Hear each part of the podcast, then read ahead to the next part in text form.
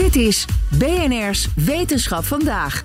Vanaf het Bedweterfestival in Tivoli Vredenburg.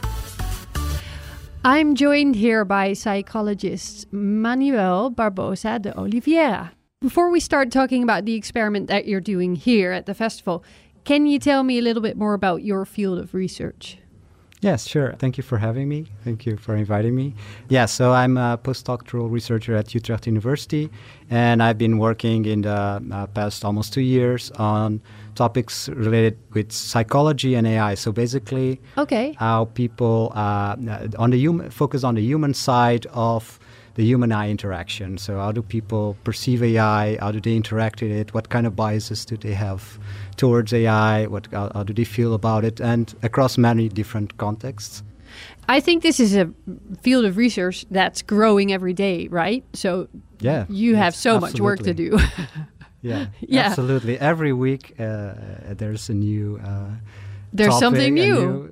Every uh, new publications on this. Uh, it's quite trendy research. Yeah. yeah. You said in different contexts. What can we think of? Yeah. So, for instance, one of the first um, projects I was involved in my postdoc research was uh, related with uh, how people perceive uh, faces that are told uh, to be artificial. So, Okay. Um, so this uh, the, the important thing about this work is not uh, is related with the information about what you're seeing, and why is this so? Because um, while ten years ago uh, you would look at uh, something uh, like a face uh, that was computer generated On a screen, that is, on a right? Screen, Yeah, yeah, yeah. So if you show uh, faces to people in the lab or Yep. um, on a screen, uh, anything computer generated would be pretty obviously artificial, Yeah. right? Uh, but that changed in in, in the last couple of years. So Quickly, yes. with uh, uh, with um, the appearance of the, the they called it the GANs, uh, gener- generative artificial intelligence, you uh, started having hyper realistic faces and more like uh, bodies, even cat cats, animals. Uh, you know, it's so Moving faces as well. Yeah. video. Yeah, yeah, I know, yeah. uh, it's uh, been at uh, coming at a um, crazy speed. Yeah. Um, and um, so now we live in a world where it's impossible to tell uh, what is computer generated or not. Not for Yeah. a regular person. Um, no, yeah. no, it's not very for difficult. that's yeah. that's also a, a good side question, yeah. of course. And um, in this research, we um, explored uh, the effect of just informing. So we were focused on okay, so now we cannot distinguish anymore. So what about the information? Uh, we just showed uh, natural faces to people, and we just manipulated uh, um, behind the scenes.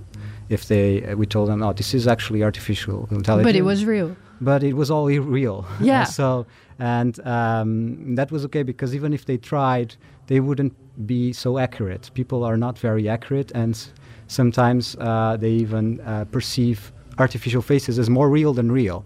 Basically, So- we, we can't tell, right? Yes. So We're very about- bad at this. Yes. Yeah. So, uh, and what we observed in that first project was that um, people, uh, when they were told that a natural face was artificial, and if they believed it, of course, um, they uh, trusted th- the face less. So that affected how we infer trustworthiness from the face. And does that, that does not mean that the person is trustworthy in uh, actually trustworthy or not, because that depends on behavior, but just how you perceive it on, you know, at least a task when you're just asked to rate a face or not, and then we observed uh, an effect of just information around it. So- Yeah. So, of course you can start thinking about uh, other types of stimuli. Um, It's uh, a massive effect, though, even though uh, it's also depending on what someone's saying. Is the face saying something? Uh, do we have to um, decide whether that's trustworthy or not? It, even if we, without that, there's such a big effect of knowing whether it is real or not, thinking whether it's real or not. It's massive, right? Yes, so we actually have the study where we made uh, we added some behavior to the to faces in videos, and they were either telling something accurate or not.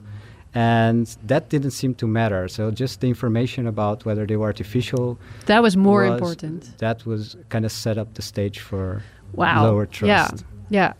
Yeah. Um, uh, other contexts, other other ways in which this could be tested. Um, I'm I'm thinking uh, maybe even movies and and television series. Uh, they can do a lot nowadays. Uh, did you use that in your own research already? Something like that? Yes, I think that would be interesting. I think more technically challenging to uh, look into the four dimensions and more uh, kind of. Um, Yeah, you have to have a movie Realistic. studio that makes you two Yeah. versions. yeah.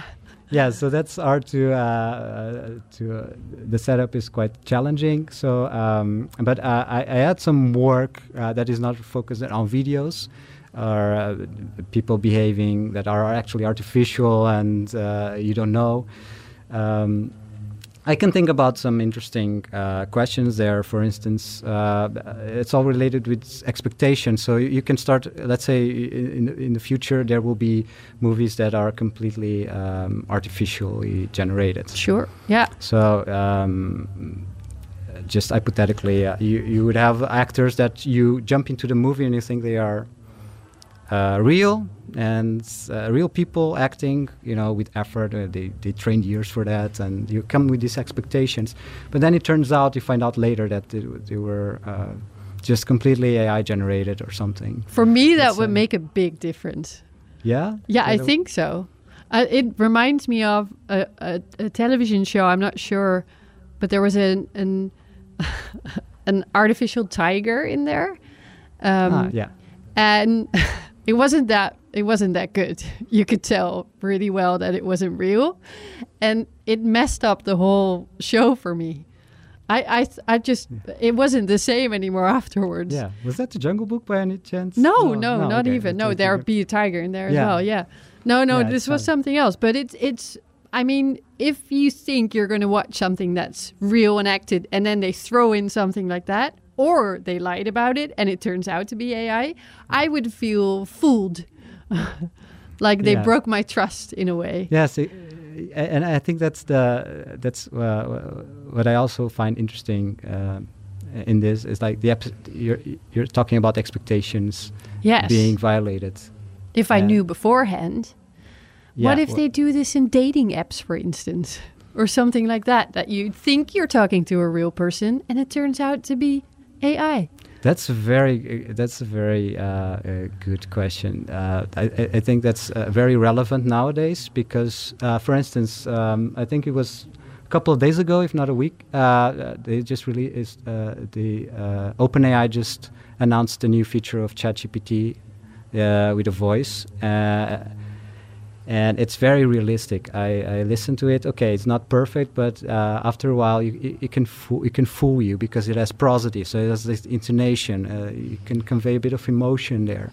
And you have the the uh, um, app that makes you talk in a different language, and it moves your lips in a different way as well. It translates to several languages. Oh, I, I wouldn't know that. Uh, it just Oh, there's so much. There's so much. Yeah, there's. I, I can bet there's a lot of uh, uh, AI applications growing uh, as we speak. Yeah. uh, that can facilitate this kind of what. Uh, going back to what you said, like you can be fooled for you know catfishing, or you know kind of fool someone. uh, I on think a we're all going to be very paranoid if we don't know anymore. But do you think you've been asking people lots of questions about this? Yeah, so I've been thinking about this topic for a while, as you can imagine, and um, I think we're increasingly living in a world where it's harder to distinguish. So it's not that uh, worrisome right now, but there's, for instance, there's this. Um, uh, there, there's a potential misuse of uh, AI. yeah. Uh, of course, there's also positive things coming out of it, um, and uh, it's increasingly important uh, that people uh, develop this critical thinking about all the information they process. Of course, this uh, this shoulda, woulda, coulda. That, that's uh, very Yeah, because if you find out afterwards, then yeah, yeah. you, you can't do anything about it anymore. Yeah. So it's important, for instance, um, that people uh, are critical about uh, stuff they see on social media. For instance, there's this picture of the Pope wearing coat. I saw that one. Yeah. Yeah. So and then uh, one of the, the challenges is that even if you uh, some expert comes out and say, okay, that that is artificial, it's too late because people are already sharing it. Yeah. So it's important to focus on um, uh, on behavior and uh, how people are reacting to this information. Um, how, because we uh, psychologists know that we are not uh, we have kind of uh, uh, some aversion to mental effort in, in general. people We- we do, like- you mean? Yeah. yes. okay. So you just We we want to take the easy way. Yes, and we- we're not always uh, in this mode of critically assessing information, but that will become increasingly important. We we just have to deal with that fact. It's going to be part of our life. yes, I to- think that's to- it's hard to escape that. Yeah, to not just look at something and go, "Oh, that's nice," but maybe pause and think a bit more before you Yes. share it with someone else, for instance. What are you doing here? What is the experiment here at the festival? Yeah, so uh, it's related with uh, detecting if something is artificial or or not. I cannot give the details uh, too much, but it's about perceiving. Uh, it's about uh, how people perceive uh, art in a hypothetical future where every, uh, artworks can be generated artificially or by humans or both with co-design. Wow, that's even more more challenging that's to to spot probably. Uh, Okay, so we can't really tell what what people uh, saw today and and said today, but we'll we'll get back to this when you've analyzed all the information that you Yes, really. you got from the festival. Um, what if you think about one big question that you hope to answer, maybe with this experiment or with other experiments in the future? Is there is there one that you can name? Um, it's hard, uh, but I, I think it's. I think with this experiment, I hope to understand uh, uh, the role of expectations on uh, on behavior about when people uh, are given the, the information about the true origin. How do they react to that? Uh, I think it's important also to measure behavior in that without giving, going into much detail. So um, the expectations, uh, how they are violated, and in a world where that there will be more opportunities for that to happen. Do you think we should we should get to a mindset where we don't care anymore because it's going to happen. We we won't know whether the piece of art we're looking at is real or not in the future. Do you think it would be easier to just accept that that that's going to be the future and you shouldn't care anymore? Yeah, good question. I, uh, for instance, you could think about the new generations. They're going to grow up in this world. Yeah. uh, it's hard to predict. How the, for instance, you know the uh, oh, uh, you know how my grandparents uh, picked up a phone, how I pick up a phone, how uh, uh, my nephew, uh, three years old, uh, picks up the phone with uh, you know. Um, it's gonna be interesting to think about how uh, to predict how people are gonna react to this? Uh, are they going to embrace it more? Are they going to just think it's the new normal and not even think about it? Or there'll be like trademarks where you can watermarks where you can keep showing that this is real and this isn't. Or maybe Yeah. we don't have that anymore in the future. Yeah, that's the, actually the, that's a, a great detail there because there's a, a new uh, attempt from the big tech uh, companies to uh, just watermark to have like this uh, in an image, you know, uh, a pixel that really really reveals you can use to reveal the true Yeah. source. So that's going to be uh, also a, a new avenue of development in AI. Um, and uh, hopefully uh, that will become also a, a clear, a new kind of cue for people to more easily detect. That's kind of the op- optimistic future. Yeah. Uh, I, I think that's quite plausible. Yeah. Um, It's going to be very interesting. You have a lot of research to do, I guess.